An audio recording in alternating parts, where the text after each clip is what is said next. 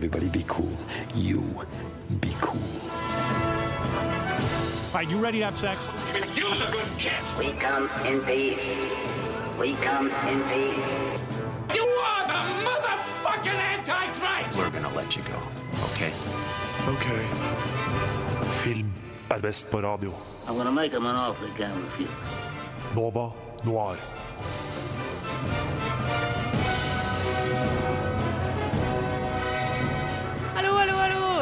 Torsdag, god morgen.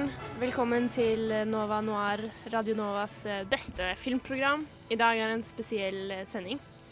Det er årets siste offisielle sending. Dette er veldig gøy. Jeg, eh, jeg er jo ikke alene i studio. Vi er ganske mange i dag. Nesten hele redaksjonen. Nei, halve. Jeg vet ikke. Vi er mange i hvert fall. Så ta runden, folkens. Hei, jeg heter Tage, da. Ja, hei, Er her Tage! Og jeg heter Hanne. Jeg heter Tale.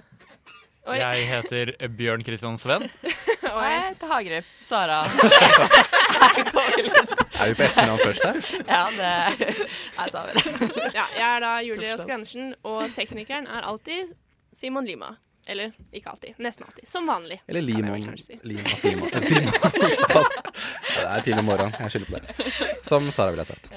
Vel, det vi skal gjøre i dag, er at um, Nova Noir har eh, hva skal jeg si, tittet inn i sjelen og bestemt hvilke ti filmer som er 2017s beste filmer. Eh, Så vi har kåret det, og dere skal dere få være med på å høre. Jeg vet hva disse filmene er. Dere vet kanskje ikke helt. Jeg har prøvd å få det ut av det, men det er ganske Ja, vanskelig. ah, nei, det, her er det hemmeligheter. Så uten mer, så bare setter vi i gang med å kåre 2017s ti beste filmer.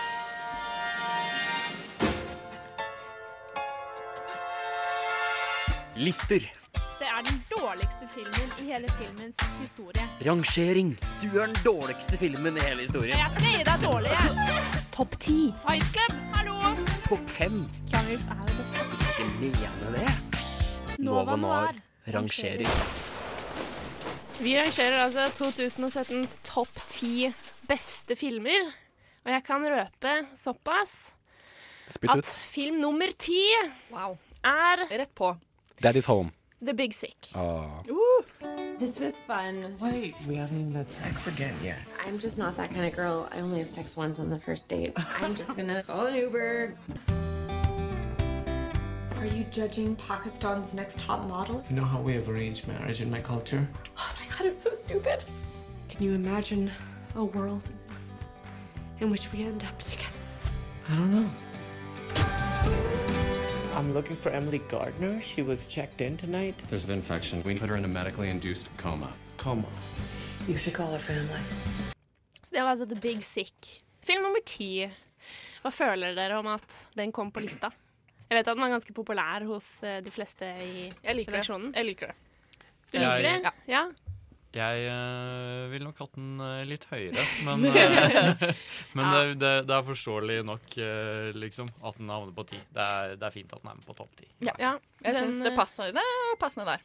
Jeg føler jo at det var en film som kom litt ut av ingensteds. Og gjenopplevd Nei, hva, Gjenopplivet? gjenopplivet. Romantisk komediesjangeren. Ja. Som kanskje har vært litt døende. Pun intended. Eller hun er kanskje ikke døende, jeg er litt usikker. Hun andre i koma, i hvert fall. Den, den, den har liksom Den har levd, men den har jo ikke beveget seg noe sted, føler jeg. Liksom De siste 30 årene, nesten 40 årene, så har liksom eh, Nesten siden Annie Hall kom, så har uh, romantisk komedie vært stort sett det det har vært. Og så kom The Big Sick. Ja. Boom! Det, altså, det er, eh, det er Jeg syns den var en banebry banebrytende uh, film. Ja, hvorfor det?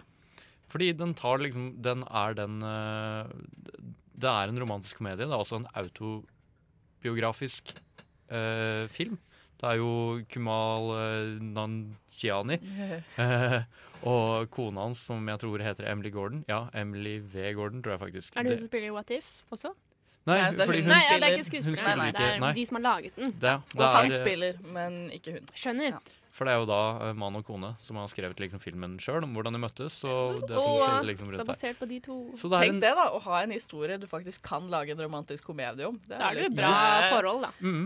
Relationship goals. Men det er også fordi jeg har jo tidligere for uh, Nova Noir laget en sånn uh, sak om uh, Ja, laget en sånn sak om um, om Judd Apatow, som er produsent på den filmen her. Og det er jo liksom sånn Det er jo nettopp det som jeg da prøvde å si at det virker som han prøver å gjøre, er å liksom ta den Ta den virkeligheten og liksom fange opp i liksom de romantiske komediene som han har laget. Eh, så da, da blir det liksom et naturlig neste steg å faktisk liksom kunne ta en historie fra virkeligheten og si at sånn Sånn her skjer det faktisk, liksom. Og det Ja. følte jeg. Ja. Dette er ekte temaer og problemer et Ja. slikt forhold vil bli Jeg føler hans filmer har et sånn kjennetegn med at de har et sånn alvorlig preg over seg, samtidig som de er veldig morsomme. Mm. Og eh, de tar jo opp eh, ofte seriøse temaer, selv om de klarer å være morsomme også. Eksempel denne i The Big Sick, så snakker de veldig mye om det Hvis du er eksempel fra Pakistan, da, det å på en måte deale med at familien din, familien din vil ha at Du skal liksom bevare kulturen din fra der du er fra. Tradisjon. Tradisjoner. Mens du selv, uh, i hans tilfelle, er oppvatt, opp, oppvekst Oppvokst. I oppvekst. Det blir litt sånn uh, blanding her. Det går bra. Eh, eh, fra USA. Så det å på en måte følge den eh, tradisjonen virker veldig sånn far-fetched for han. Da. Og du ser veldig mye i den The Big Sick hvordan han eh, sliter med å på en måte please kjæresten og samtidig familien. Så havner han i en sånt der eh, mellomsted hvor egentlig ingen blir fornøyd. Jeg tror det er eh, et perspektiv som han ikke ser på film så ofte. I hvert fall med en pakistansk hovedperson i Ja. film i Mm. USA. Eh, Det er noe med det å kunne ta en uh, Ta liksom det formatet, romantisk komedie, og så gjøre det liksom til noe litt mer seriøst. Altså, fordi det er jo Jeg tror jeg tårer opp liksom i hvert fall sånn tre ganger i løpet den, uh, liksom, i løpet av den filmen. Fordi det er de store tingene her. Det er den konflikten man har med familien, det er det som skjer med, med jenta han dater. Liksom hele den uh, pakka der. Men så er det også så mange sånne små usikkerheter, så mange små liksom, ting som bare er del av det å liksom bli eldre og være voksen, og liksom Som jeg tror i hvert fall liksom folk på vår alder, eller ja, rundt sånn 20-30-åra, kan liksom virkelig uh, ta tak i. Karriereting, ja. Så det er, eh, det er det som virkelig får den til å stå ut for meg, er liksom den måten den håndterer det, både tragediene og gledene i, uh, i et liv. Og liksom virkelig spiller opp og gjør morsomme enkelte ting, og så via kontrasten på morsomheten gjør andre ting veldig seriøse og triste. jeg tenker noe som kanskje reflekteres også av flere av disse filmene vi kommer til å snakke om i dag, er at de er mer enn bare sin sjanger. Mm. Og tør å være mer og fortelle mer enn bare én ting som kanskje er forventet av den sjangeren. da. Mm. Så vi kan vel generelt si at, eller med Big Six som eksempel, tør å bryte formen litt. Bare fordi det er en romantisk komedie, så handler det liksom ikke om målet, det handler om reisen. Mm. Mm. Mm. Mm. Det var dypt, altså. Så dypt. Jeg er ganske dyp i Nova. Nemlig. Er vi ferdigfølt med Big Sick? Er det noen som sitter inne med noe Nei? Bare se den. Bare se den. Ja, det kanskje er det viktigste, kanskje. Ja. Bare, bare se den. Se den med kjæresten, se den med venner, se den med familien. Ja. Jeg så med broren min. Vil jo godt. Nemlig. Se den med alle. Pass for alle. Vi skal høre AVGVSTVS med Castro, og de synger For alltid.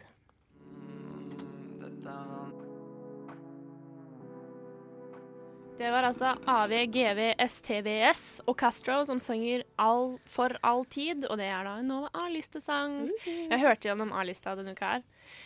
Sykt bra A-liste. Kanskje den beste A-lista vi har hatt hittil. Sjekk det Eller ut. den jeg liker best. Vi har ganske mange A-listesanger i dag, for jeg var sånn Alle var fine, jeg vil ha med alle sammen. Alle ligger vel på Spotify. De gjør det. Alle ligger også på radionova.no. Så det er bare å titte der. Mye bra musikk. Eh, nå skal vi altså gå videre til film nummer ni. Somebody please get this man a gun.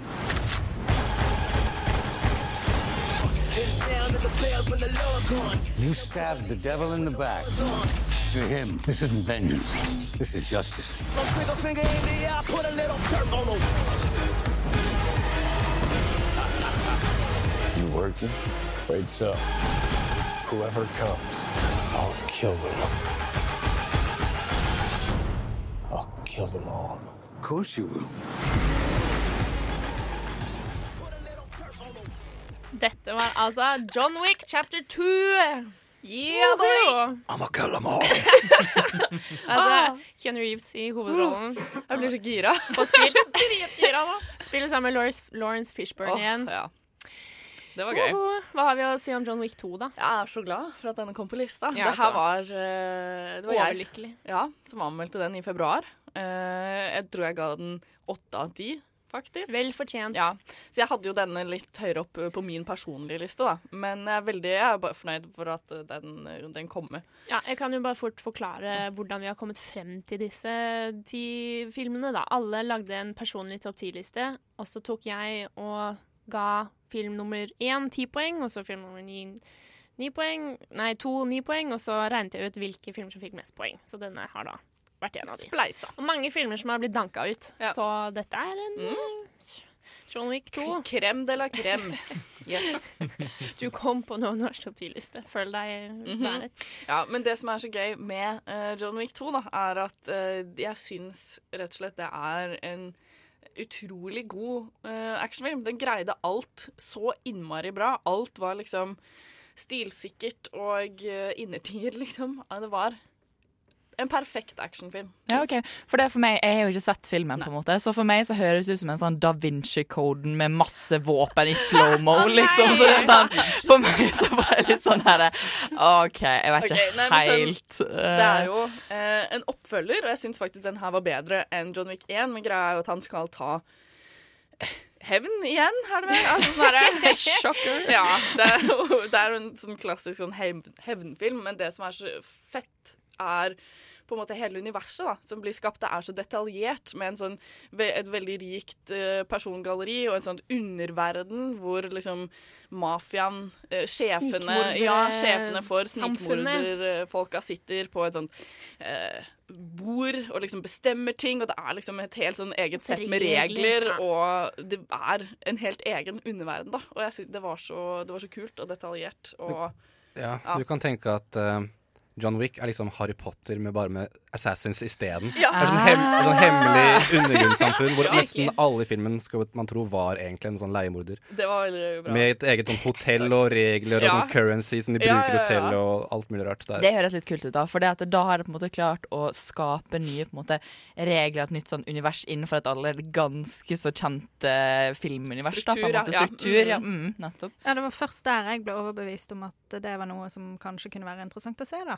Mm. Så er det jo veldig, veldig morsomt å se på, fordi han som har regien, som jeg ikke helt husker navnet på akkurat nå Det kan vi finne ut av. Det finner vi ut av. Er, eh, har vært uh, stuntmann og er liksom stuntkoreograf på og jobbet som det veldig lenge på veldig mange forskjellige filmer. Sånn at han har på en måte inkorporert det veldig mye i filmene og har veldig greie på sånn eh, stunt, nei, slåssing og sånn, så det ser utrolig kult ut. Alle slåssescenene, som er nesten hele filmen, er, ser så bra ut. Ikke noe shaky cam bullshit. Nei, her er alt veldig Du skal ja. se at de har Ah. trent, og at de slår ja. og treffer. Og, det gjør de. og Og lange sekvenser, Lange lange, lange sekvenser. shots. Men altså, det er bare for å være litt sånn anti her, da. for jeg, jeg kjenner jo folk som, eh, som ikke likte den filmen så innmari godt. Uh, og, men og det er sånn her sånn Å, men det er så urealistisk.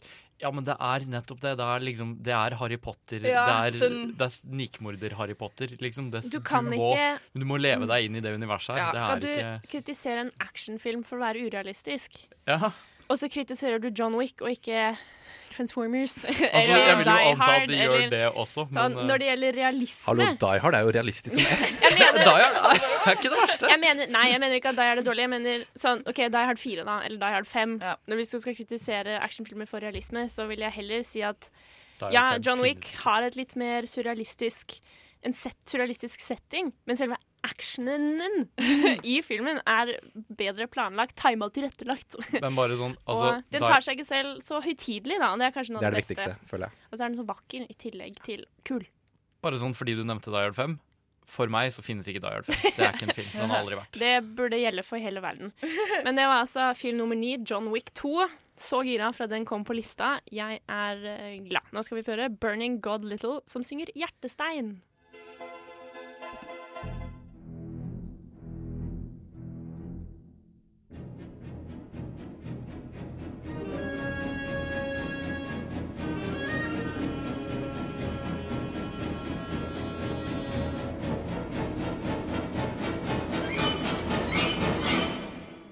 Hører på Nova Noir på Radio Nova torsdager fra 10 til 12. Det er jo akkurat nå. Hei! Du hører på Nova Noir på Radio Nova torsdager fra 10 til 12. Eh, og før det så hørte vi Burning God Little med Hjertestein. Skjønner dere hva jeg mener med beste A-lista noensinne? Fordi jeg mener den var jo dødsfin. Vi må snakke om film nummer åtte. Film nummer åtte hadde ikke trailer med prat, det var bare musikk, så da så jeg ikke egentlig poenget med å spille den her på lufta, men jeg kan jo nå røpe. Film nummer åtte er The Handmaiden, eller Kammerpiken på godt norsk. Yeah. yeah. Jeg, jeg var litt bekymret for at den ikke skulle komme på lista, for jeg var redd for at mange ikke hadde sett den.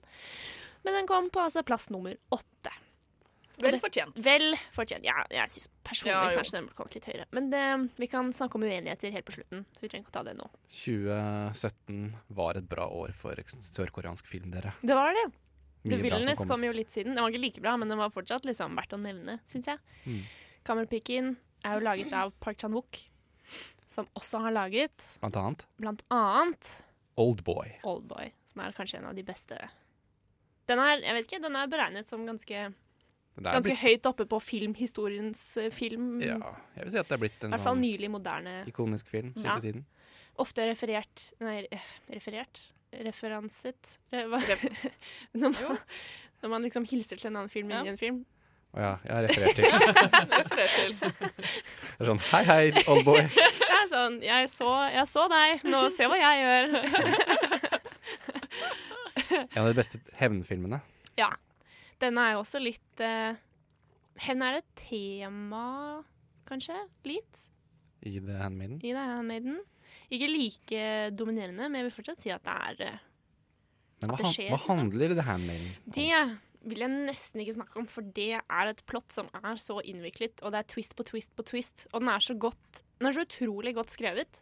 Så jeg, da jeg satt og så den, så ble jeg bare Det var liksom bare en eh, berg-og-dal-banetur uten like. Det var liksom, du trodde at du hadde skjønt filmen og skjønt plottet, og så bare kom det virkelig en bakke til og en loop og en ekstra twist, og så satt du der og bare Oi, ja, nå skjønte jeg ingenting. Så jeg tror den filmen er veldig stor gjenseerglede. Ja, absolutt.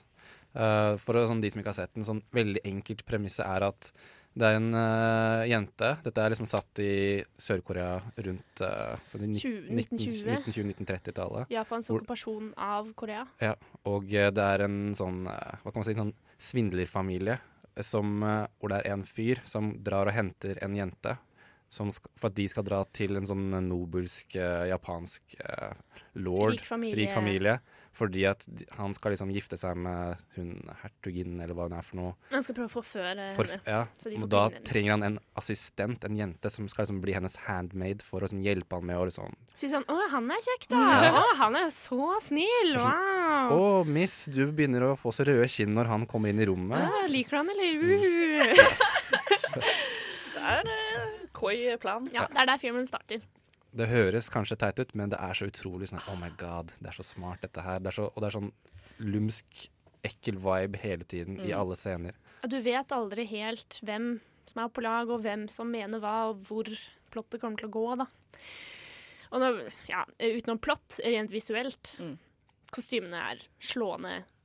Settingen er slående. Bare alt er Den er så vakker og nydelig og fin å se på. Det er bare virkelig noen som elsker å lage film, som har laget denne filmen. Det kunne jo også egentlig vært på en måte bare fremført på en scene også. At det Ja. er jo veldig et sånn kammerspill. Ja, og så er det vel delt i tre kapitler. Noe sånt. Ja, som hver har sin hovedscene, da, på en måte, eller sånn sted. Et sted eh, knyttet til seg, sånn bestemt. Så det er veldig spennende. Det er bare ah, Jeg må liksom bare sukke litt. Jeg må se den på nytt snart, Ja. for nå er det en stund siden.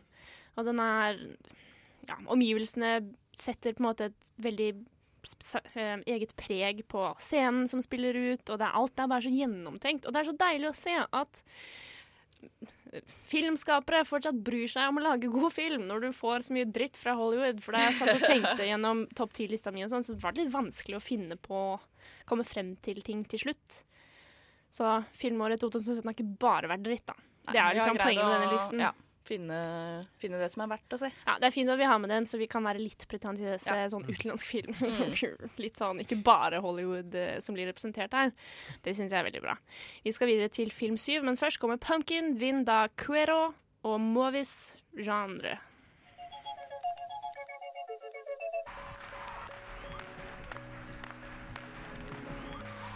Det var altså Pumpkin Vanda Cuero med Mau- Mauvais Genre. Très De er bien. eh, franske, som Très dere hørte. Oui, oui. Fransk rap er alltid veldig gøy. Yes. Eh, nå er vi på nummer syv, folkens.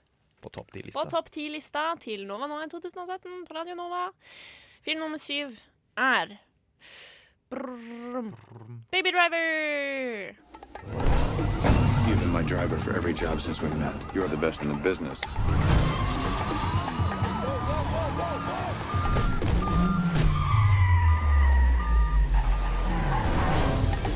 Need you behind the wheel again. One more job and I'm done. One more job, and we're straight. Why is he listening to music all the time? He had an accident when he was a kid. He's Got mental problems? I'm the one got the mental problems in the crew. Position taken. What is your name? Baby. Your name's Baby. B A B Y Baby. In this business. The moment you catch feelings is the moment you catch a bullet. Baby Driver, Baby, folkens. baby, baby! B-Y, baby, why is that your name? Ja. Kan jeg bare si med en gang Dette er min favorittkinopplevelse i hele år. Den filmen var amazing!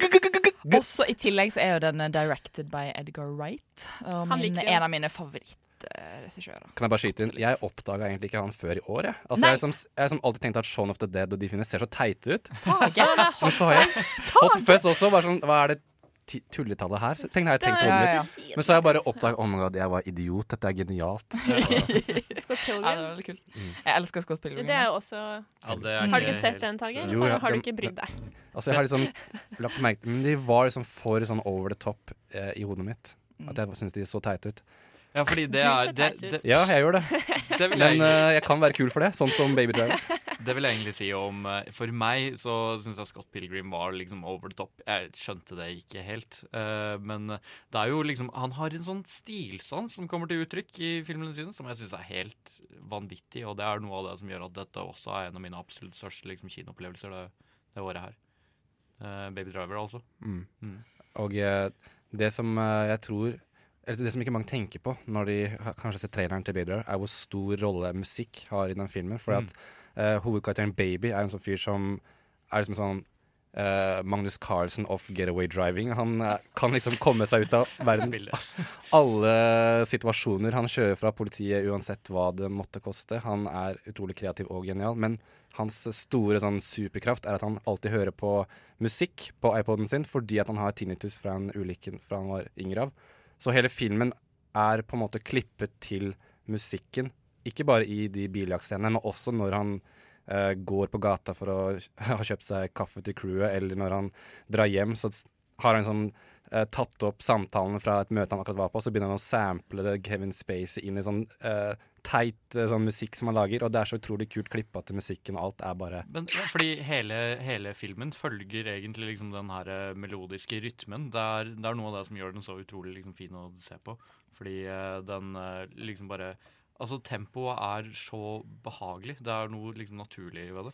Men inntrykket mitt av da Baby er at han virker litt sånn usårlig, rett og slett. Er han det i filmen? Eller har han sine demoner og kamper og Nei, en altså- ark som er tilfredsstillende? Han har absolutt det. Fordi at han er jo Altså, han er jo eh, helten i filmen, for så vidt. Men han er jo kriminell. Han er en skurk. Han kjører eh, kriminelle eh, fra bankran. Og du ser at han på en måte slipper unna med å bare være en getaway driver i starten, men så skjer det ting. Eh, han blir forelsket i en jente, og så blir det ting mixed up. Og så begynner han å gjøre ting som er ganske questionable, og da begynner man å bli utfordra. Er han egentlig en good guy, eller er han en bad guy? Mm. Så det syns jeg også er veldig interessant med filmen. Men så det er han Ansel Elgort som heter, heter karakteren hans Baby? Eh, ja. Eller er det bare Bi- kallenavn? Ja, det er egentlig et kallenavn, vil jeg Og det er er bare fordi at han har tidenes babyface, eller? Jeg tror det var det moren pleide å kalle han.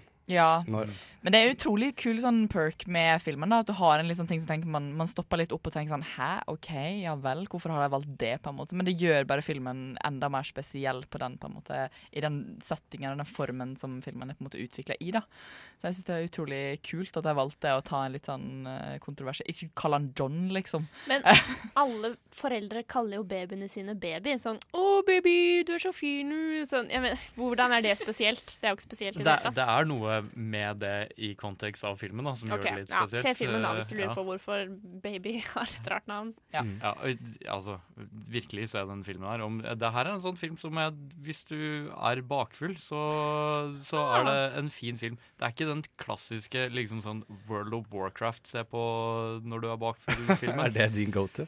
Nei, men altså, det er, sånn der, det er det eneste konteksten som jeg føler at World of Warcraft passer i, er eh, hvis du er bakfull. Men uh, den her er sånn her, hvis du virkelig trenger en oppmuntring dagen derpå, så lei den her på et eller annet sted, eller finn den noe sted. Ja. Det er en god film. Men jeg har lyst til å si at, for at uh, når, jeg, når den her kom ut eh, i Norge, så var jo uh, ikke det her metoo og Kevin Spacey-greiene kommet ut i det hele tatt. Så man så, alle så den mikke med det blikket om at Kevin Spacey han er bare en vanlig fyr som er en god skuespiller, og vi kan like han. Nå som den har kommet ut, så har jeg lyst til å stille spørsmål til de som ikke har sett den ennå. Kommer du til å ikke se den pga. Spacey, eller driter dere litt i det? Jeg kommer nok Fordi at jeg kjenner mange som boikotter filmer pga. det som har kommet ut nå. Nei, Jeg tror ikke jeg kommer til å boikotte men jeg vet ikke om jeg kommer til å gidde å se den i utgangspunktet. Nei, jeg, Jeg bare syns traileren virket så sykt teit. Okay. Ja, for jeg så den ikke fordi at det så ikke ut som min type film. Men det var nøyaktig det jeg tenkte også. Ja. Det var sånn, jeg, jeg gikk på den kinoen bare fordi jeg hadde lyst på å gå på kino den dagen. Det var ikke, virka ikke noe, som noe for meg i det hele tatt. Jeg okay, bare... får, jeg, får jeg et kinogavekort i løpet av jula, kan jeg gå og se den. Ja, jeg, jeg skal vurdere det. Jeg tror ikke Det er ikke Kevin Spacey som stopper meg fra å se den. Jeg skal tvinge dere til å se den med meg. ok? Greit. Ja, hvis du betaler, holdt på å si. Ja. Det er en utrolig bra film, og jeg syns ikke traileren gjør den uh, justice i det hele tatt. Nei, fordi at, enig med Tage. Hadde ikke vært første gang en trailer hadde ødelagt en film, i hvert fall. Eh, vi får jo også vite om eh, traileren til film nummer seks eh, passer til film nummer seks når vi kommer tilbake etter vi har hørt Girls som synger Pork Chop Lover.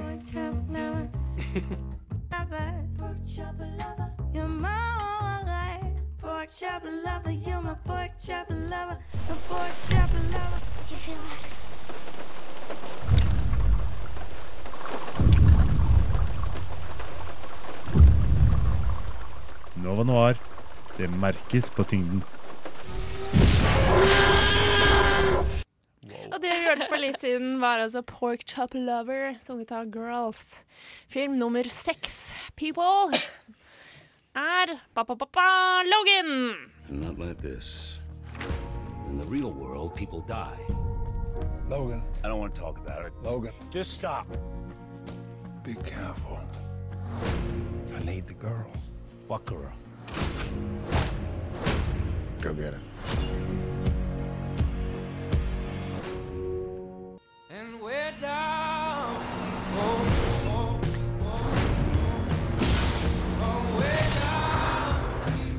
She's like you.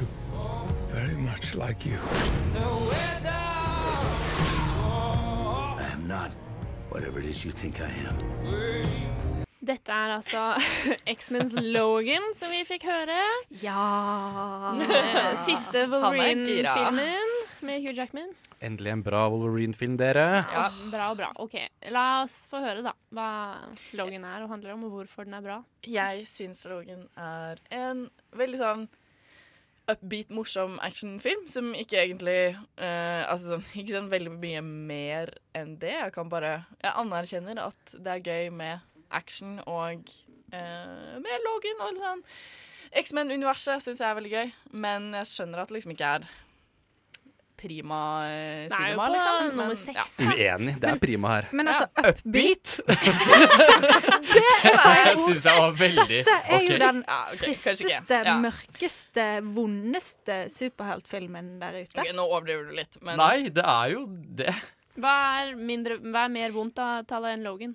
Hva da, mener Av du? superheltfilm, siden du sa Nei, det. nå skjønner jeg ikke hva. Nei, Hanne sa det er jo den tristeste, vondeste superheltfilmen som finnes. Nei, sa du, altså, nei, nei, ikke sånn i kontrast med en annen, men sånn der, det var ikke så Jeg skjønner hva du mener, men ja. Upbeat var feil det var- Ja, det var det. Det var det, Jeg innrømmer det. Jeg tar det. Det var feil. Men sånn eh, at det er gøy med action, da, syns jeg. Ja. Lidelse Var det egentlig jeg og kjiphet, og alle er døde, og ting er oh. gått til helvete. Det er, Ja. det er jo en ren dystopi. Altså, jeg, jeg Dette Jeg syns den fortjener sin plass på listen vår. Jeg koste meg skikkelig med den og grein masse. Og bare så engasjert. Eh, men eh, ja. Det som, er, ja, det som er så kult med denne, er at den tar litt samme konsept som 'Children of Men'. At det har ikke blitt eh, født en ny mutant på sånn 20 år, eller opp, oppdager en ny mutant på 20 år, og de mutantene dør ut slowly and surely.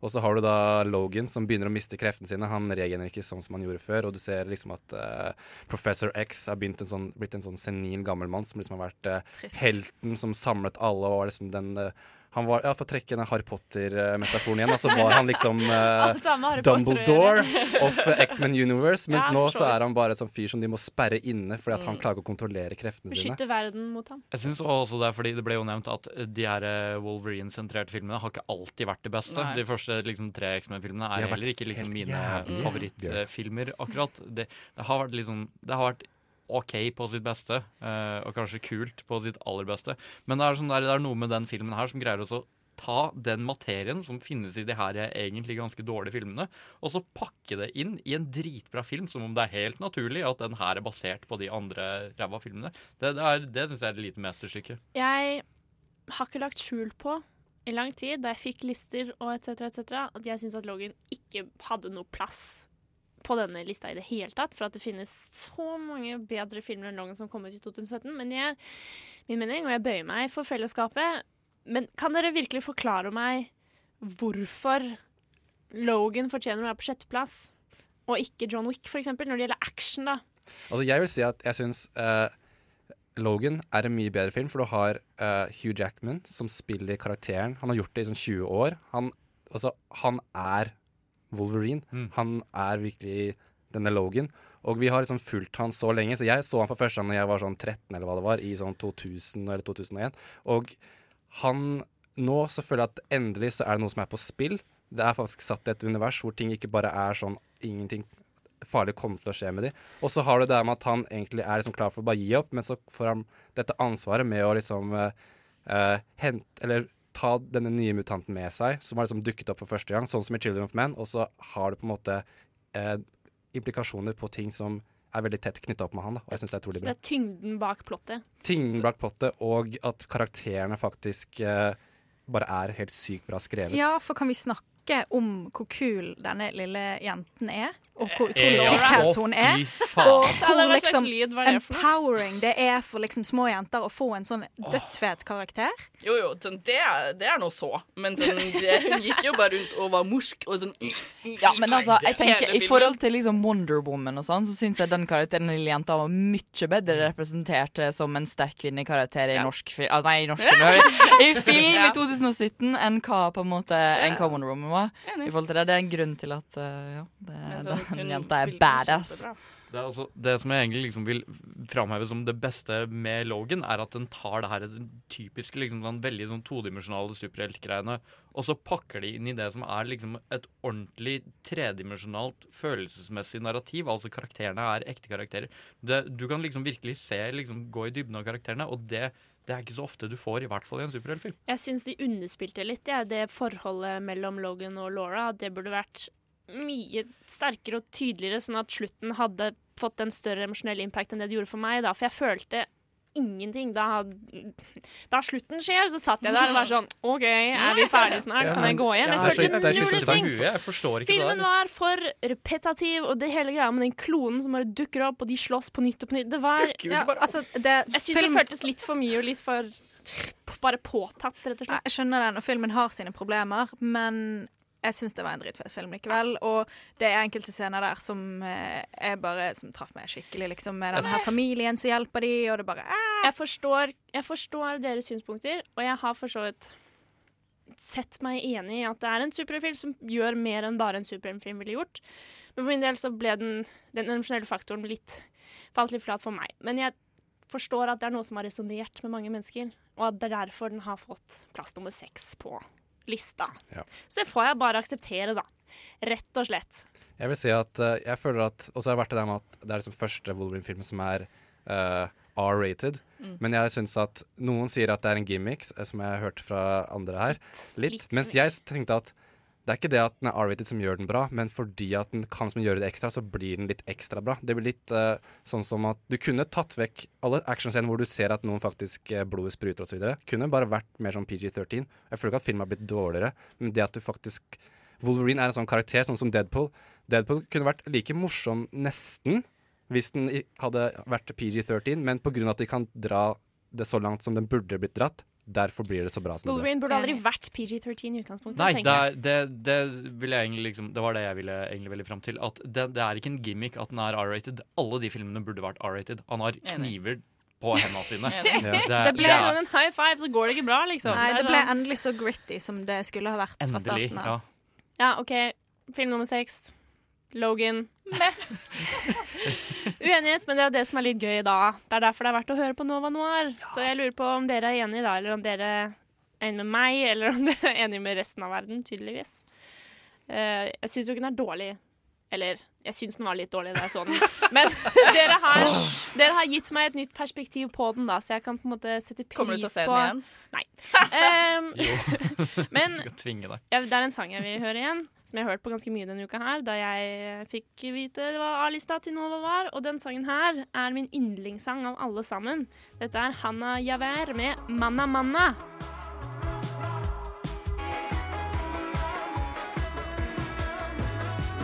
Dette var altså 'Manna Manna', sunget av Hanna Javer, som er min personlige favoritt-A-liste. Ikke sant? Ja, Gøye saker. Like upbeat som Logan.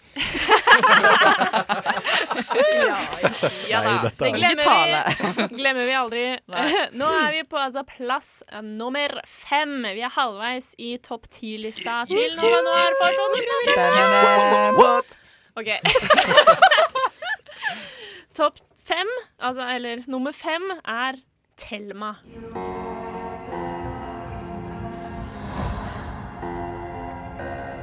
Jeg vet ikke hva det er med meg. Det bare Skal jeg hjelpe deg? Det er så bra. Herre, fjern dette fra meg. Frels meg fra disse tankene. Passe på at ikke du mister kontrollen. Dette er altså Thelma, Joachim Triers eh, drama, thriller, film som Ja. kom nå i høst. Mm. Eh, Norges Oscar-kandidat. Kan jo Utrolig nevnes. spennende. Mm. Jeg, tror den er litt for spasa for Oscaren. Litt for lesbisk òg, kanskje. Ja, kanskje. Men de, nei, de liker det. Ja, de må De jo ha sånn. Ja, Ja, Carol jeg var jo i fjor, da. Mm. Eh, jeg vil bare si det med en gang. Vi kommer nok til å spoile Thelma litt. Ja, det må til. Eh, vi diskuterte litt, men vi er kanskje enige om at selv om vi kommer til å spoile litt, så vil ikke det nødvendigvis ødelegge filmgleden, for det er så velgjort. Har vi bestemt. Ja. Så, men hvis du er bekymret for det, så bare hopp ti minutter, så, eller kom tilbake om ti minutter, så hold deg førende, spis en pepperkake, jeg vet ikke. Premisset, kanskje gå gjennom eh, kjapt, er jo at uh, Thelma flytter til Oslo for å studere og føler seg veldig alene. Og eh, Flytter fra Vestlandet. ja, kristen familie. At hun liksom er litt sånn ikke som alle andre. Hun drikker ikke og føler seg kanskje litt sånn utenfor eh, i studentmiljøet i Oslo. Men at Vanskelig å få det er ja, noe muffens. Hun burde blitt med i Nova Noir. eller Radio Nova, så hadde det bare ordna seg. Ja, jeg tror det er en ganske gjenkjennelig situasjon for ganske mange. Det stemte Det ganske det fint sånn Vestlandet flyttet til Oslo. og så, så kommer det kristen og muffins-greiene og bare Nei, men uh, Det er jo litt eh, disse foreldrene Man får jo Ja. veldig tidlig veldig følelsen av at det er noe mer, og det er litt eh, kontroll og litt sånn Det er veldig eh, Ja. mm, lummert, skummelt. Mm. Det var, ganske, det var ganske mange grimaser her i studio når han faren eh, snakker, for å si Ja, det men det er sånn. jo det som er mye av det som er interessant. fordi fra, ganske fra starten av så får man så inntrykk av at de er usympatiske, og at det er foreldrene som tar feil, og at de er kontrollerende og kjipe mennesker, liksom. Men Er det det det? Ja, men altså, det som er det er berettiget? Ja. Det som er da, det er at denne filmen har jo veldig mye sånn Noen vil jo karakterisere det som litt sånn magi og litt sånn Ja. å, liksom forsvinnelser og liksom sånne ting. Men det er bare gjort på en sånn liksom måte at det blir så creepy likevel. Fordi Thelma veit ikke hva det er som skjer. Hun er ikke liksom fatta på en måte helt eh, greia rundt eh, hennes sin på en måte tilværelse. da Hvorfor det som skjer med henne, skjer. Og når mystiske ting bare blir verre og verre og verre, og hun føler at det er hennes sin feil, liksom. Det er hun Men at som hun ikke har kontroll over Ja, hun har ikke kontroll, hun vet ikke hva hun skal gjøre, hun bare føler seg fanga i sin egen kropp, liksom. Eh, og foreldre som på en måte pusher og pusher på å få vite hva det er, men som hun for en eller annen grunn ikke kan si hvorfor, hva som skjer, fordi hun vet at det vil få negative konsekvenser liksom, for henne.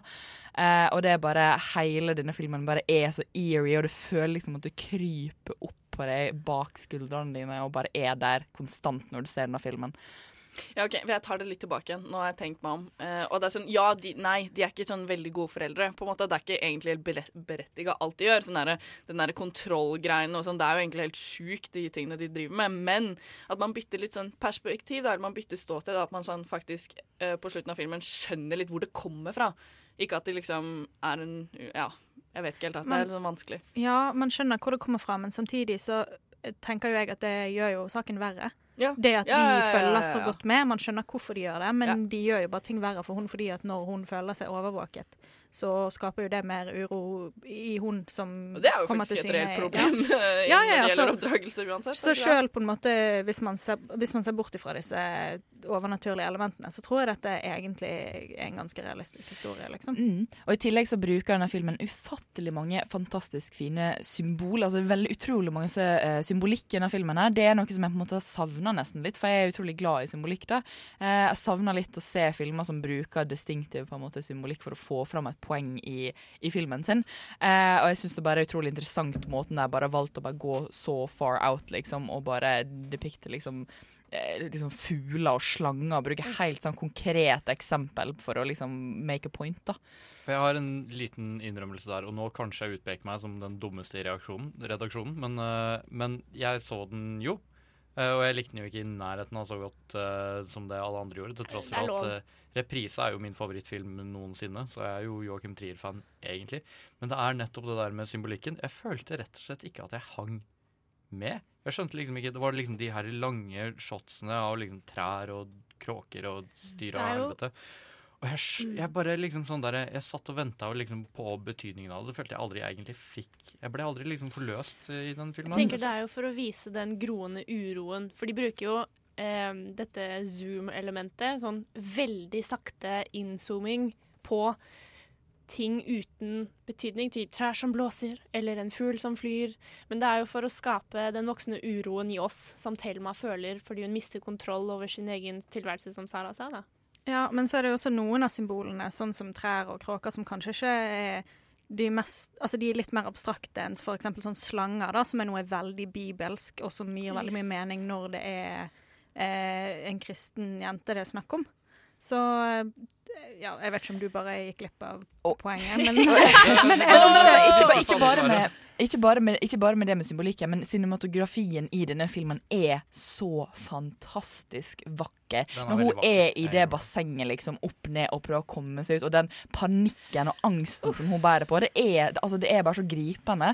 Den filmen har bare klart å kapsle inn all denne usikkerheten i en sånn svær, mørk boble, liksom, som er bare så utrolig fascinerende Kanskje å bare ikke på. er panikkfylt nok. Men jeg syns uh, det der med at hun blir forelska i en jente, og så er det den derre uh, uh, Forelskelsen mellom de to var for så vidt interessant, men det som jeg var mest interessant, var jo på slutten, når man stiller seg selv spørsmålet Var egentlig den jenta forelska i Thelma frivillig, eller var det Thelma som egentlig kanskje litt u... Ubevisst. fikk henne til å bare bli eh, obsessed i henne tilbake igjen pga. at hun har noen krefter som hun ikke klarer å kontrollere. Og det syns jeg satte filmen i sånn utrolig interessant perspektiv. Ja. For at på slutten, eh, ikke noe sånn spoiler, så kan man si at man får litt mer sånn Hun har litt mer, kanskje mer kontroll over evnene sine på slutten enn hun har i starten. Og da Det hele jo ender med at man ser at de to går sammen eh, på skolegården, og det blir sånn OK. eh, har hun nå full kontroll over henne, eller er det forelskelse? Fri vilje. Ja, eller er det Mm. fri vilje? Hun er jo en gud, hovedsakelig. Mm. Og da kan man gå tilbake og se fra starten igjen. Er egentlig Thelma god, eller er hun Altså, går hun fra å være uskyldig til å bli og fortsette å være uskyldig, eller går hun fra å være god og uskyldig til å bli rett og slett ond på slutten? Men hele den filmen her er jo liksom svart og hvitt. Det er liksom det gode mot det onde og kampen mellom der. Ja, Så det var altså film nummer fem. Vi hadde veldig mye å si om Thelma.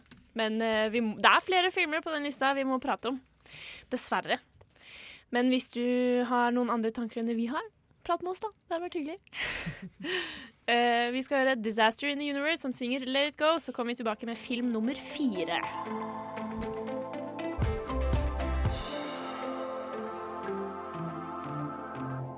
The you ladies, but it isn't used in high society, outside of a kennel. Nova Noir, sterke meninger.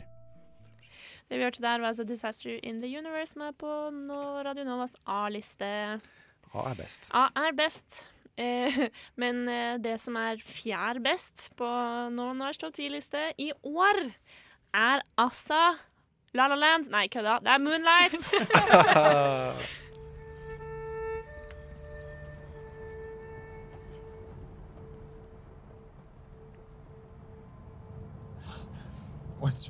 what you looking at me like that for? What, man? Come on, you just drove down here? Yeah.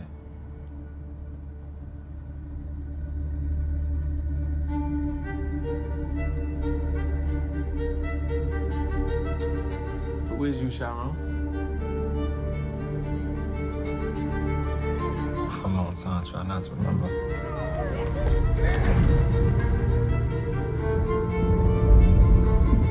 To forget all those. Så det vi hørte her, var altså Moonlight. Num film nummer fire på topp 10-lista. Mm. Nå ble det liksom, gikk litt ned, ble det litt sånn alvorlig. For dette er jo Dette vant jo Eller den vant jo Best film for i år eh, 2017. I, år på Oscar, ja, i, fikk en Oscar For beste film. for beste film. Presis. Ja, det er litt av en film òg. Jeg, jeg bare ble trukket litt tilbake inn i den stemningen eh, jeg gikk ut av kinosalen med når jeg så den. Og bare Herregud, for noen skuespillerprestasjoner, først og fremst. Ja, ja. Mahershala Ali han var jo bare med i filmen sånn et kvarter, maks. Og han vant jo beste bi mannlige birolle. Vel Vel fortjent. Ja, Utrolig ja, ja. God eh, skuespillerprestasjon.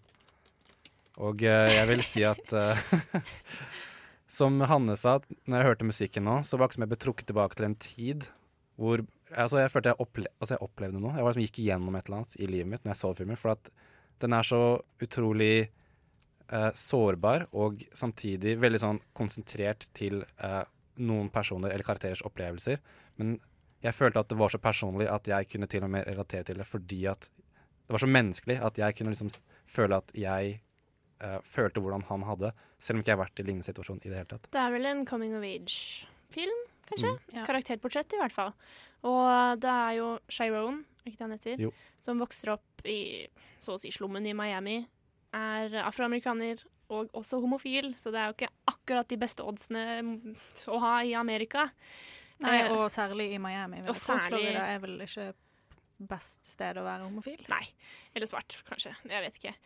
Eh, så selv om de hva skal vi si, karakteristikkene ikke gjelder oss da, her i studio, så er det en veldig sterk og veldig gripende historie likevel. Og jeg mener det Kritikk Jeg vet ikke om det har vært kritikk mot den filmen, men da vil jeg kritisere folk hvis de har kritisert filmen for å være snever, at det ikke er tilfellet i det hele tatt, og at mennesker har mye større evne til å empatisere med noen som ikke kanskje ser ut som seg selv på den måten, og så argumentere for at Hollywood ikke trenger å lage sånne filmer fordi det ikke reflekterer majoriteten, er, er bare bullshit. Ja, altså, for å si det sånn, Jeg sa jeg gråt av Logan, men av denne hikst gråt jeg. Jeg var sikkert så irriterende for alle andre i kinosalen, fordi det var, jeg klarte ikke å slutte å grine. Den bare traff så vondt og hardt i hjertet. Og jeg syns den er veldig interessant uh, narrativ, for den starter med at han uh, Little er altså han er et barn uh, i starten av filmen, hvor han møter denne uh, Mahershala Ali sin karakter, og han blir en slags sånn farsfigur for han, og, men han er jo en drug dealer, og moren hans er avhengig av narkotika, og han hater egentlig moren sin litt fordi at uh, hun er narkoavhengig og ikke viser han kjærlighet, men så er han samtidig den farsfiguren som er en drug dealer, og uh, det er hele den der dynamikken med at ting er så utrolig sånn komplisert og vanskelig at jeg, altså han, eh, Tyrone, ser opp til. Chiron? Sharon, sorry. Ser opp til uh, Marshall Lee sin karakter, men samtidig, når han oppdager at han er en drug dealer, så blir det litt sånn Altså, indre konflikt. indre konflikt, og også for Marshall Ali, som liksom har blitt veldig glad i den gutten, da, men samtidig ser at han, det han gjør, faktisk ødelegger liv. da. At han må faktisk uh, face the consequence of det han gjør. Det er så mange elementer. Også forholdet han har til moren sin gjennom hele filmen, er bare Det er Mm. gjort så vakkert. Jo, og så starter han med barn, og så er det et Ja. hvor han er tenåring, og så ender opp med at han er voksen og har blitt mer eller mindre sånn som Ursula Kali- eh, Ali sin karakter var, da. En sånn ganske hardcore gangster som selger drugs og ikke tar noe shit, men så samtidig er den derre Ja, følsomme fyren. stikkordet er indre konflikt Ja. gjennom hele, altså på så mange måter. Jeg tror yndlingsøyeblikket mitt i den filmen er eh, scenen på stranda, uten å si for mye om det. Men at det er Det er ikke så ofte man får se det på film, i hvert fall ikke i en Hollywood-film. Og i hvert fall ikke fremstilt på den måten. Så øh, se Moonlight, da, folkens. Jeg Ja, mener, altså, hvis ikke du har sett den ennå, hvor har du vært? Altså, da får man nesten ikke lov til å være med lenger i man Noir hvis man ikke går og ser Moonlight i løpet av juleferien. Nei, nå var det mange bekymrede fjes. Jeg bare tulla. Men eh, det er virkelig en film alle burde få med seg. Jeg tenker Oscar-filmer ofte får litt sånn Den er bra, så da er gidder vi ikke å se den fordi den er så film, i anførselstegn. eh, Det blir så mye sånn der, uh, hype, føler jeg, rundt de sånn Å, dette er den beste filmen. Så snakker Å, det er den beste, den beste. Og, og så kommer det så mye sånn fokus rundt filmene pga. prisutdeling og sånne ting. Så tenk, blir folk litt sånn her eh, Får litt sånn avsmak, kanskje, fordi at det er så hypa opp. Litt sånn elitist-film. Ja, men Ja. eh, det er en eh, En jordnær jordnær, vakker film som jeg tror alle vil sette pris på. En utradisjonell Hollywood-Oscar-film. Riktig. Eh, vi får jo høre om film 321 også holder eh, mål, da. De jo eller de er jo på topp, så åpenbart. Men vi får se hva vi mener, og vi får høre hvilke filmer det er. Hvilke filmer er bedre enn Moonlight? Hallo? Hallo. Vi, den er jo på fjerdeplass. Det er jo tre filmer til som vi skal gå gjennom. Men først så skal Classics synge 'Stranger Love'.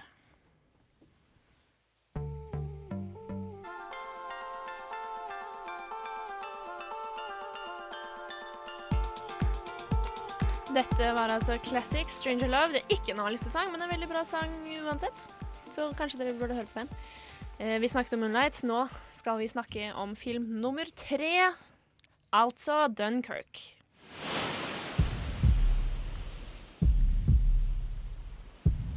Where are we going? Dunkirk.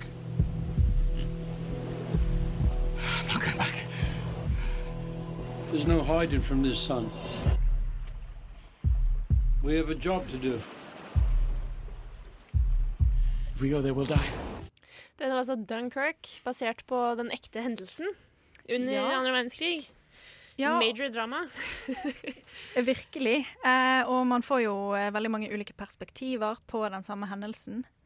Eh, vi følger eh, en pilot, eller flere piloter. Vi følger de som faktisk er på stranden, og vi følger eh, de som kommer i en båt for å liksom redde disse soldatene. For premisset er vel at eh, de er fanget eh, i Dunkerque, og eh, kommer sannsynligvis til å bli bombet sønder og sammen hvis ikke de kommer seg vekk derfra snarest. Og det er ganske mange soldater. Flere hundre tusen.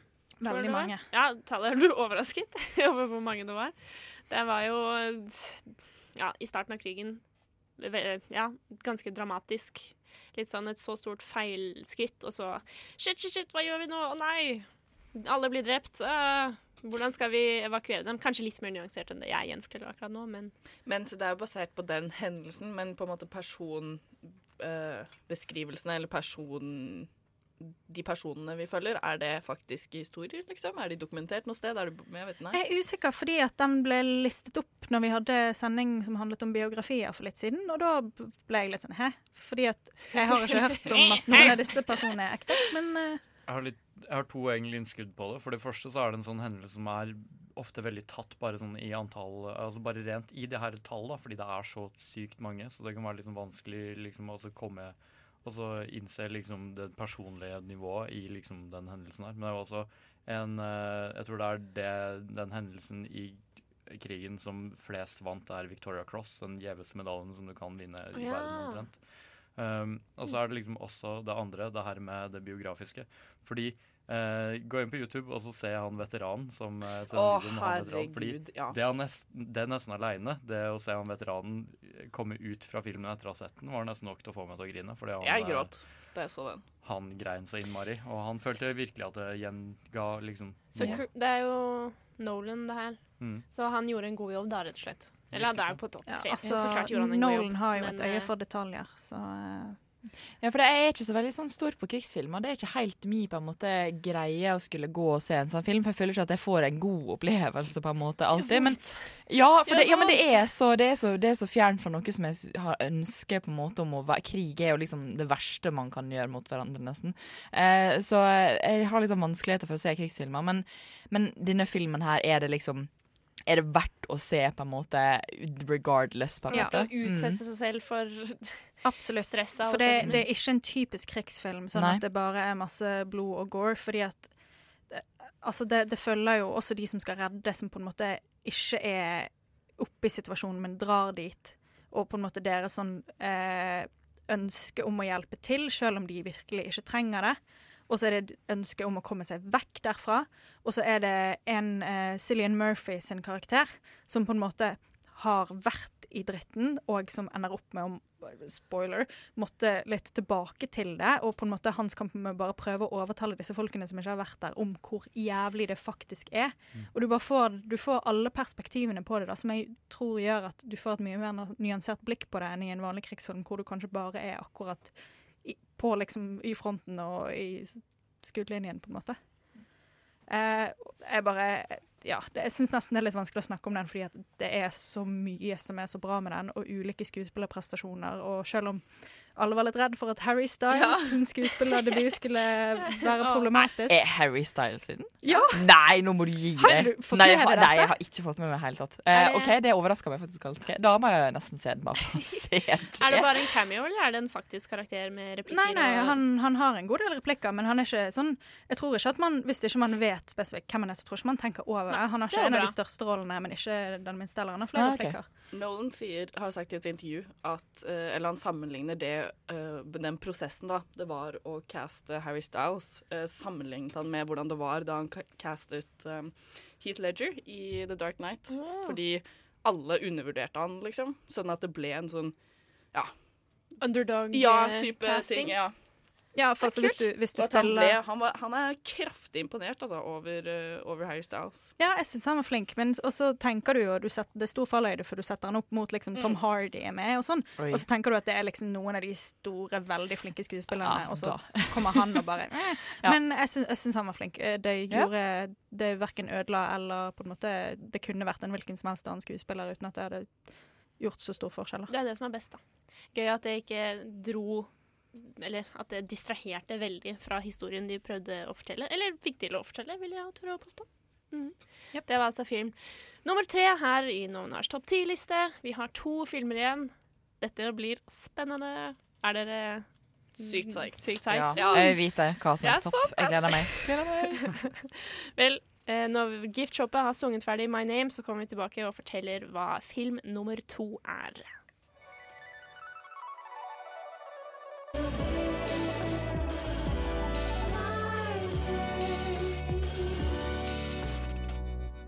The brandy don't let me finish.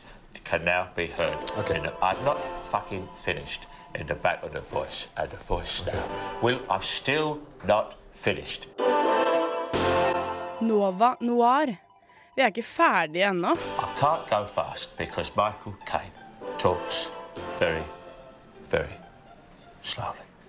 Vi er ikke ferdig. Vi har to, til, nei, to filmer til. Vi To skal, timer igjen. To timer igjen, faktisk. Vi har to filmer til vi skal prate om. Men først eh, så vil jeg bare si at vi hørte Gift Shoppet, som er også er på A-lista.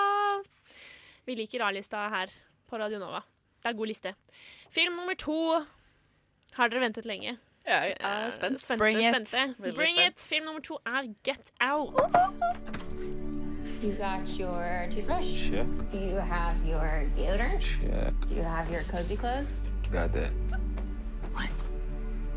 Do they know I'm black? Should they? You might wanna, you know. Mom and Dad, my black boyfriend will be coming up this weekend. I just don't want you to be shocked that he's a black man. I ain't never seen you like this before, bruh. Meeting families and taking road trips. Don't come back all bougie, man. Come back, got your damn pants up to your damn stomach.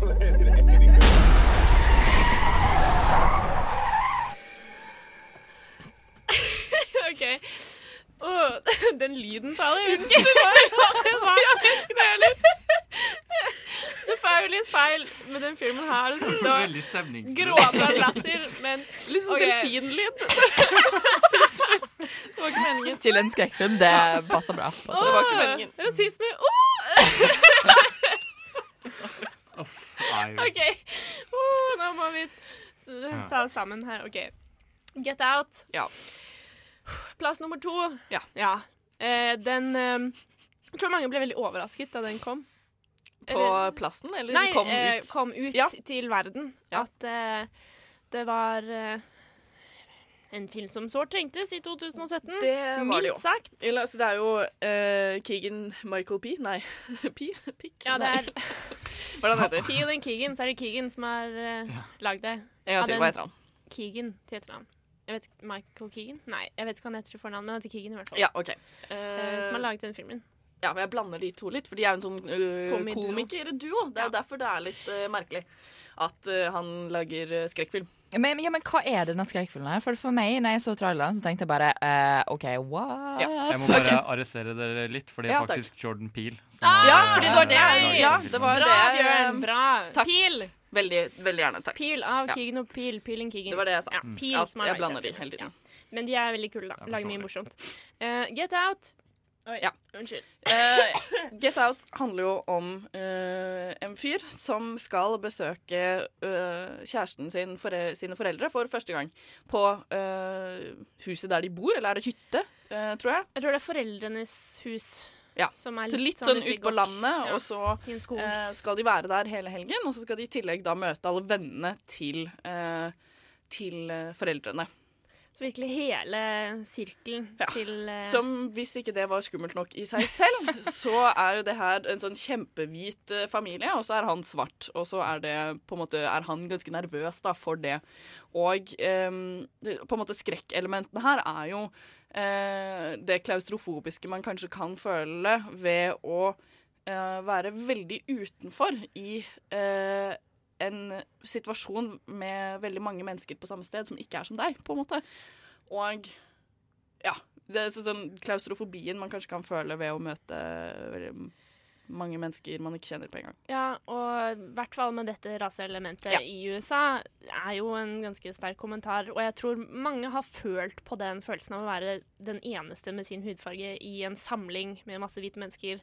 Og det er jo eh, satire, men det er jo, ikke for så, det er jo for så vidt ikke Det handler det er jo satire på rasisme. Eh, og da jeg satt og så den i USA, så var det jo mange afroamerikanere som satt og liksom wow, heia og sånn.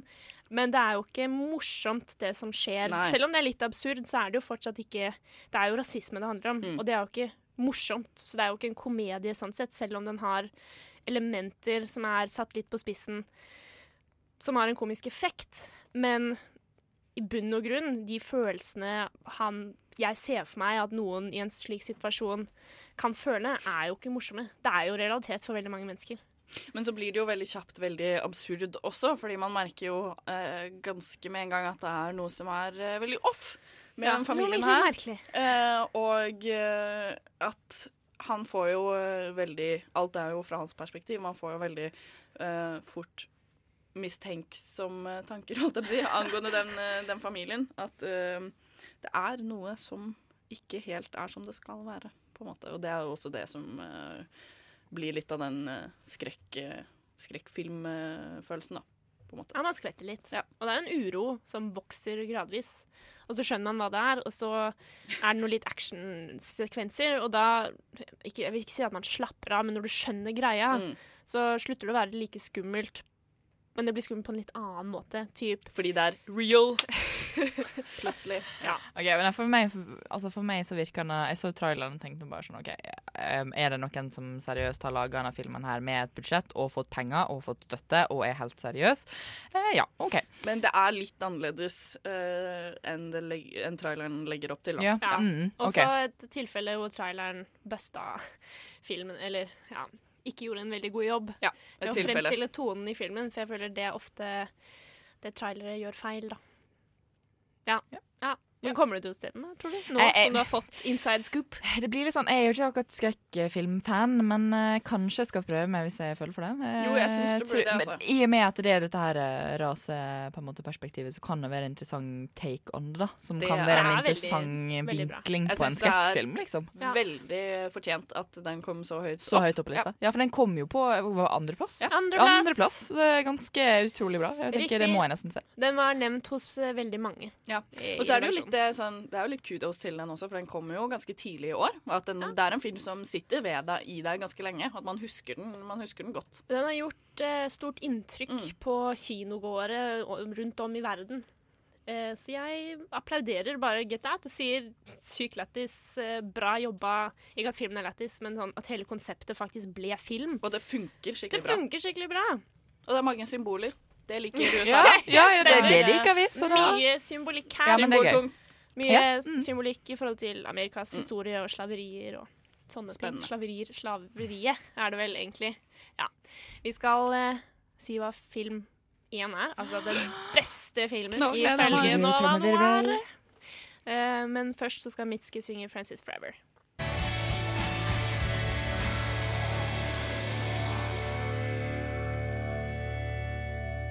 Dette var altså Mitski med 'Francis Forever', og vi skal prate om ba, ba, ba.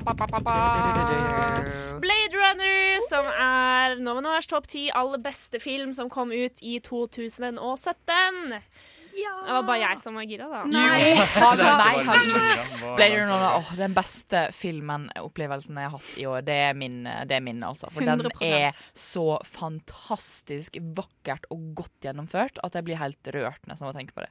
Altså, jeg syns eh, altså Denise Villeneuve klarte det som jeg trodde skulle være umulig. Lage en bra sequel. Ja, og lage en, en verdig oppfølger.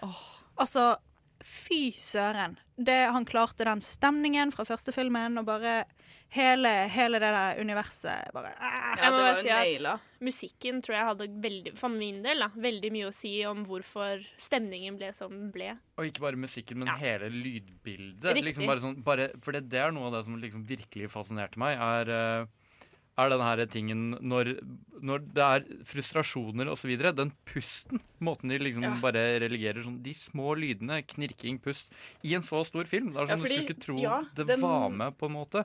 Men Unnskyld. fordi det er en sånn massiv Ja, for det er en sånn massiv cinematisk opplevelse, og da, da du forventer liksom at du skal hoppe over det. Hoppe over liksom de her små smådetaljene. Jeg vil bare si at uh, Mattis har sendt inn en melding til studio og lurer på hva vi syns om Blade Runner, så nå får du svar.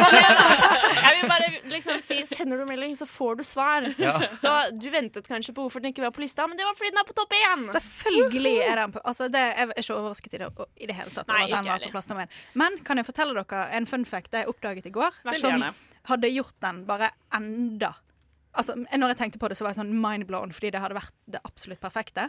Okay. Fordi at Denise Villeneuve sitt førstevalg til uh, Neander Wallace, altså den karakteren som Jared Leto spilte, det var David Bowie. What? Men så, men så døde jo Bowie før de fikk spilt den, sant? Faen, Bowie. Det er bare, fordi, at- fordi at altså, han, Bowie er min gud, liksom. Ja. Hadde han spilt den, så hadde, det hadde Jeg tror ikke jeg hadde taklet det, fordi det hadde vært så perfekt at jeg bare hadde Det var det eneste som jeg var litt sånn ah, OK, Jared Leto, greit. Jeg er ikke så imponert av han generelt. Okay, men, så det hadde vært hvem er det? Jared Leto Nei, er altså karakteren. Det er han som er The blind, og som lager alle disse replikantene. Ja, han The blind- evil han Ja, ja, blinde, han enkle- Han blinde. Unnskyld. Ja, det var litt, uh, litt ja. Jeg er helt enig i at det hadde endret. Det forklarer meg egentlig så mye om eh, Jared Leto sin prestasjon. Eh, fordi jeg, jeg, jeg tror han var veldig klar over det, i så fall. At det skulle være Burde Bowie. Eh, fordi det var noe av det som liksom virkelig imponerte meg. Fordi jeg liker egentlig ikke Jared Letto Ikke noe særlig. Nei. Det er sånn, Selv er i de mest kritiske roste rollene hans, så syns jeg sånn Han overspiller litt, gjør han ikke Ja, det? men- Jeg blir veldig sånn, sånn. Suicide Squad. Ja, øh, men jeg syns, for jeg syns ikke at det var noe feil, og jeg satt ikke og tenkte uff eh, at han var med. Fordi at jeg syns at det var, det var en kul eh, performance, liksom. Det var en kul rolle. Som, En kul var, karakter, En kul karakter, men- og han, han, det var, han var grei i den rollen, men det kunne vært så sinnssykt mye Det fetere. kunne virkelig det. Wow, nå ble jeg litt også litt Ja. sånn flabbergasted. Det hadde vært sykt kult. Villeneuve eh, redeema Jared Leto for meg etter Suicide Squad, og det var ikke en lett oppgave. det det. Det er sant. Jeg må innrømme at jeg bryr meg fortsatt ikke så veldig mye om Jared Leto selv etter uh, Blade Nei, men det er jo altså. Men, en eh, kongekarakter. Men altså, altså Ja. Men det er ikke takket være Jared Jared Leto. Jeg føler at han gjorde, han gjorde det greit.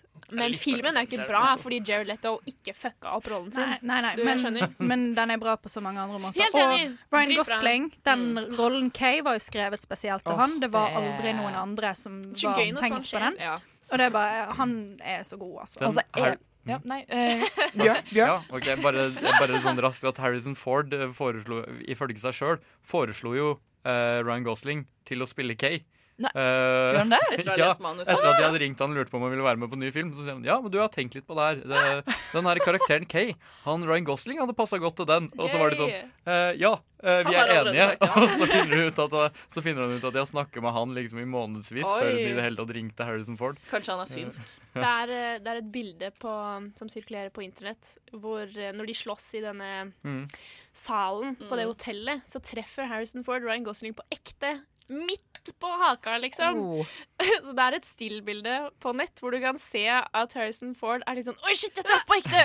Og Ryan Gosling bare «Uh!» Helt sånn Hva faen skjedde Men vet du, det beste er når du får ah, sånne så ekte gøy. Samme som uh, DiCaprio, Ja. eh, med den når han kutter seg. Django, og i, i Viggo Mortensen når han sparker hjelmen. I yes! Ringenes herre. Ja. yes.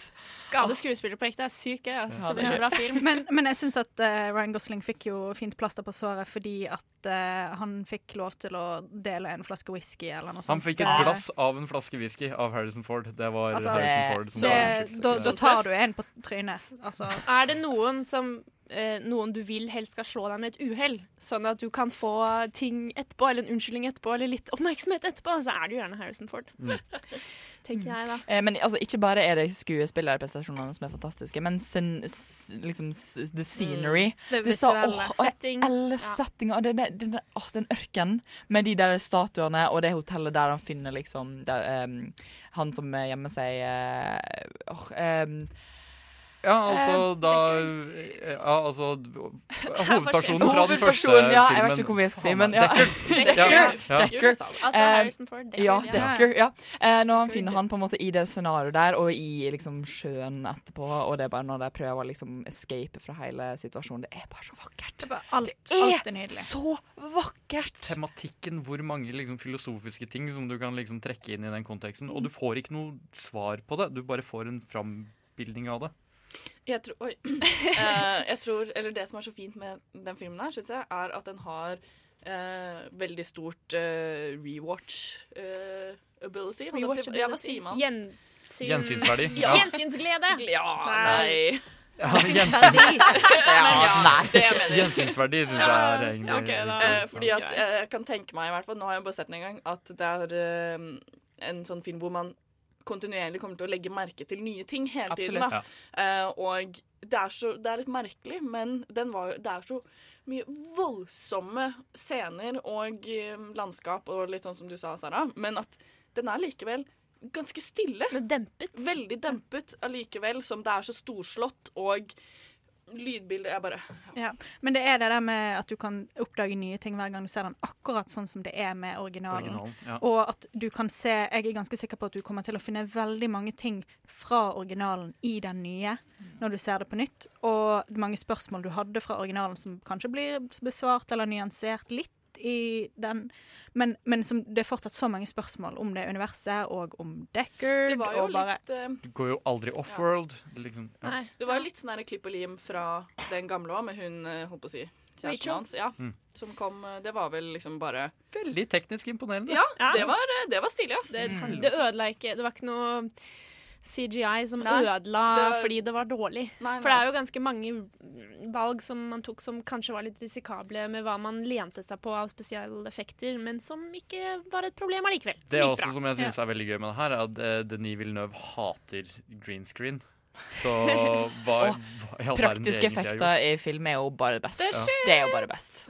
Eh, så jo mindre green screen, det er jo bedre film blir det egentlig. Ja. synes jeg. Men apropos eh, trailere. Traileren til Blade Runner var veldig misvisende i forhold til mengden action som var i filmen. Og jeg har pratet med en del mennesker som er litt mer sånn ikke like filmvitende som oss da, her i nå, nå er men mer sånn vanlig mann i gata eh, på skolen min, som ikke var så fornøyd fordi de følte seg litt lurt av at det var for lite actionsekvenser. Men det var noe av det beste med hele filmen, syns jeg, er at det ikke var sånn masete, unødvendig dritt som bare tar Helt vekk fra plottet og Volden overdøver alt annet. Ja. Ja, Det har en det, er, grunn. det har en plass. Ja. Det, det er en grunn til at det skjer. Alt var med meningen. Det var Mm. ikke bare Oi, nå er det lol, nå må vi finne på noe Hektisk. Nå er det faktisk akkurat så langt inn i filmen at nå trenger vi en actionsekvens bare fordi.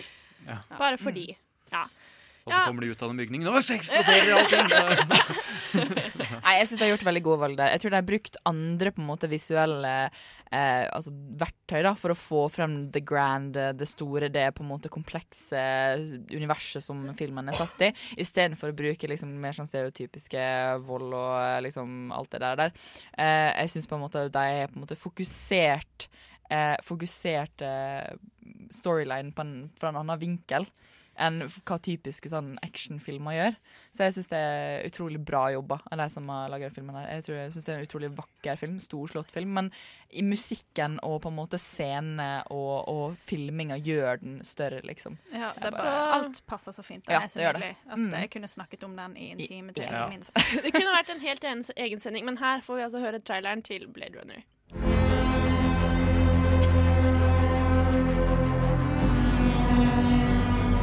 You're a cop. I did your job once. I was good at it. I know. What do you want? I want to ask you some questions. Vi ble rett og slett bare så gira ved at vi glemte å spille traileren, men der var den altså. Så Blade Runner var topp én. Og det er vel for så vidt egentlig alle enig i. Ja, Altså, ja, den fortjente det. Ja, den var på toppen av listen min, så Det er ikke min den beste filmen jeg har sett i år. Det er den beste filmen jeg har sett de siste fem årene. Det, Så det er en topp ti personlig for deg for resten av livet òg, Ja, kanskje? Antageligvis. Ja. Uh, I fjor var det jo mye større krangling om hva som var på topp én eller ikke. Men det var deilig at i år så var det bare generelt enighet om at dette var den beste filmen. Altså Blade Runner 2049. Vi skal snakke litt om uh, uh, hederlige nevn nevninger Nei, honorable mentions. Hederlige omtaler. Hederlige omtaler. Takk, Bjørn. Tusen takk. Når vi kommer tilbake, typ, vi hadde jo en personlig liste. Hvilken film på din liste kom ikke på denne lista? Etc., etc. Så nå er det Åsen som synger lørdag, og så er vi straks tilbake. Helt riktig, det, altså.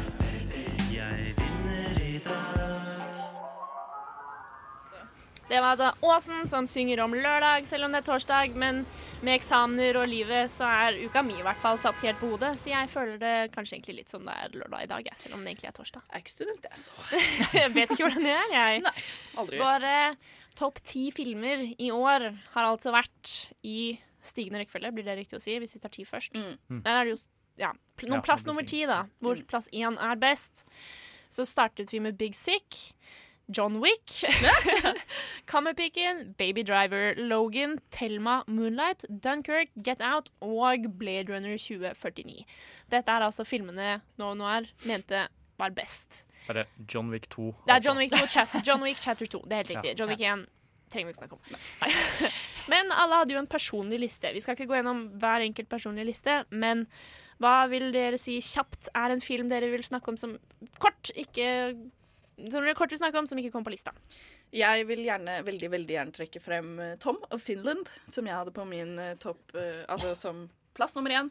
eh, som jeg syns alle burde gå og se. Den var fantastisk bra og handlet om en aktivist som tegnet homoerotiske tegninger eh, under andre verdenskrig i Finland.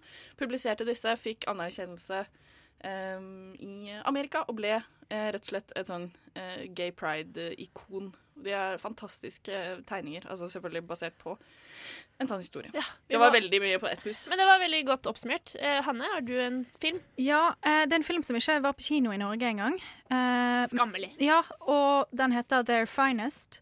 Eh, handler om manusforfattere under andre verdenskrig, særlig en kvinnelig manusforfatter som går gjennom mye dritt for å få til å faktisk skrive noe annet enn bare kvinnedialogen, eller The Slop, som de kaller det. Kjempefin, trist og morsom. Eh, Bill Nye er med Mm, og spiller en litt sånn gammel, avdanket skuespiller som er dødsmorsom. Eh, Sam Claflin, som sikkert mange kjenner til. Den er bare kjempe, kjempefin og trist og god, og jeg skjønner ikke hvorfor den ikke var på kino i Norge. Nei, det, de som bestemmer det, må ta en runde med seg selv. Eh, Sara, har du en film som ikke kom med, som du vil trekke frem? Eh, ja, altså nå er jeg veldig glad i eh, Disney. så for meg så syns det var utrolig kult å få Moana. Eh, den filmen syns jeg var utrolig kul. Uh, jeg likte den kjempegodt. Ja, Ja, sårt trengt Det var film. også på min liste. Min mm. uh, så Moana syns jeg egentlig burde fått en hederlig plass. Eh, jeg tror den skapte et veldig Jeg syns det var et kult image for barn å på en måte ha noe å se etter. Ja, første filmen jeg synes var litt sånn OK, Disney, where to go. Absolutt. Mm. Uh, unnskyld, jeg bare fikk en melding fra Tage som var her tidligere, men som måtte løpe på jobb. Han sier at The Square var også en film i år som var verdt å få med seg. Og det er svensk satire om samfunnet. Klassik, eh, classic Killer gjør veldig narr av kulturelite, kunstverden på en morsom måte. Kjempebra og kreativ, rent filmteknisk og en cinematisk opplevelse. Wow. Så han skrev det på chat, så det var litt rart. Men det var altså Tages. Eh, Bjørn, hva var din film som ikke fikk være med eller plass på lista? Eller er Eh, den filmen som jeg oppdaget ganske nylig, egentlig, men som eh, jeg egentlig ikke har hørt så blitt nevnt så veldig mye om eh, ute i media i det hele tatt. Den heter Mudbound. Du kan finne den på Netflix. Eh, det handler om eh, Mudbound? Mudbound, ja. Den, Det handler om eh, det sier jeg meg enig i. Ja, Det er mhm. absolutt verdt en titt. Fordi den, den foregår eh, i det jeg tror er Midtvesten i USA. Der, eh, og den tar for seg liksom, Det er egentlig også en sånn coming of age-historie fra veldig forskjellige perspektiver.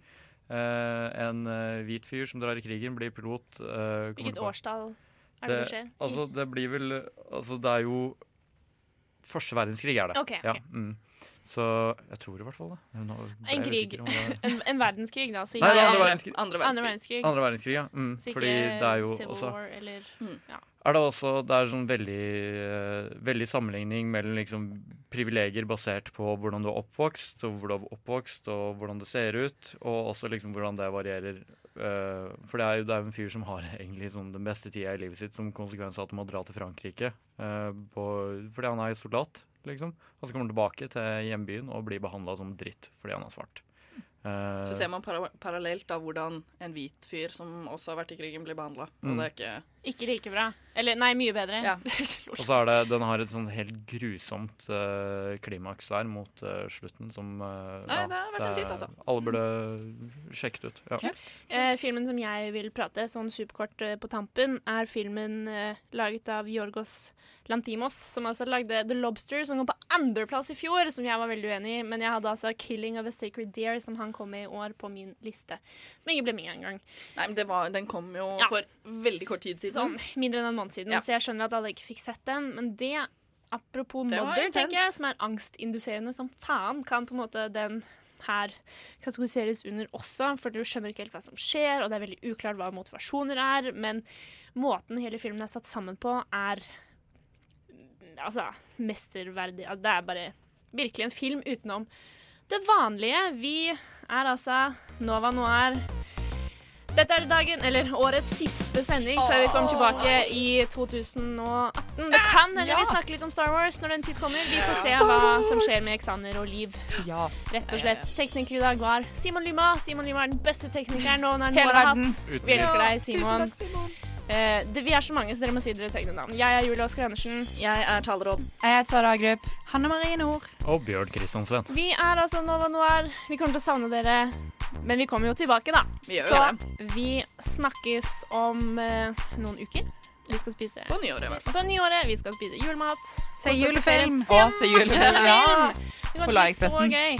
Vi har snakket om topp ti-lista, og det på topp én var i hvert fall Blade Runner. Som jeg tror mange er enige i. Ja. Jep, Så vi ses. Ha det bra. Vi kommer til å savne dere. Ha det. Ha det.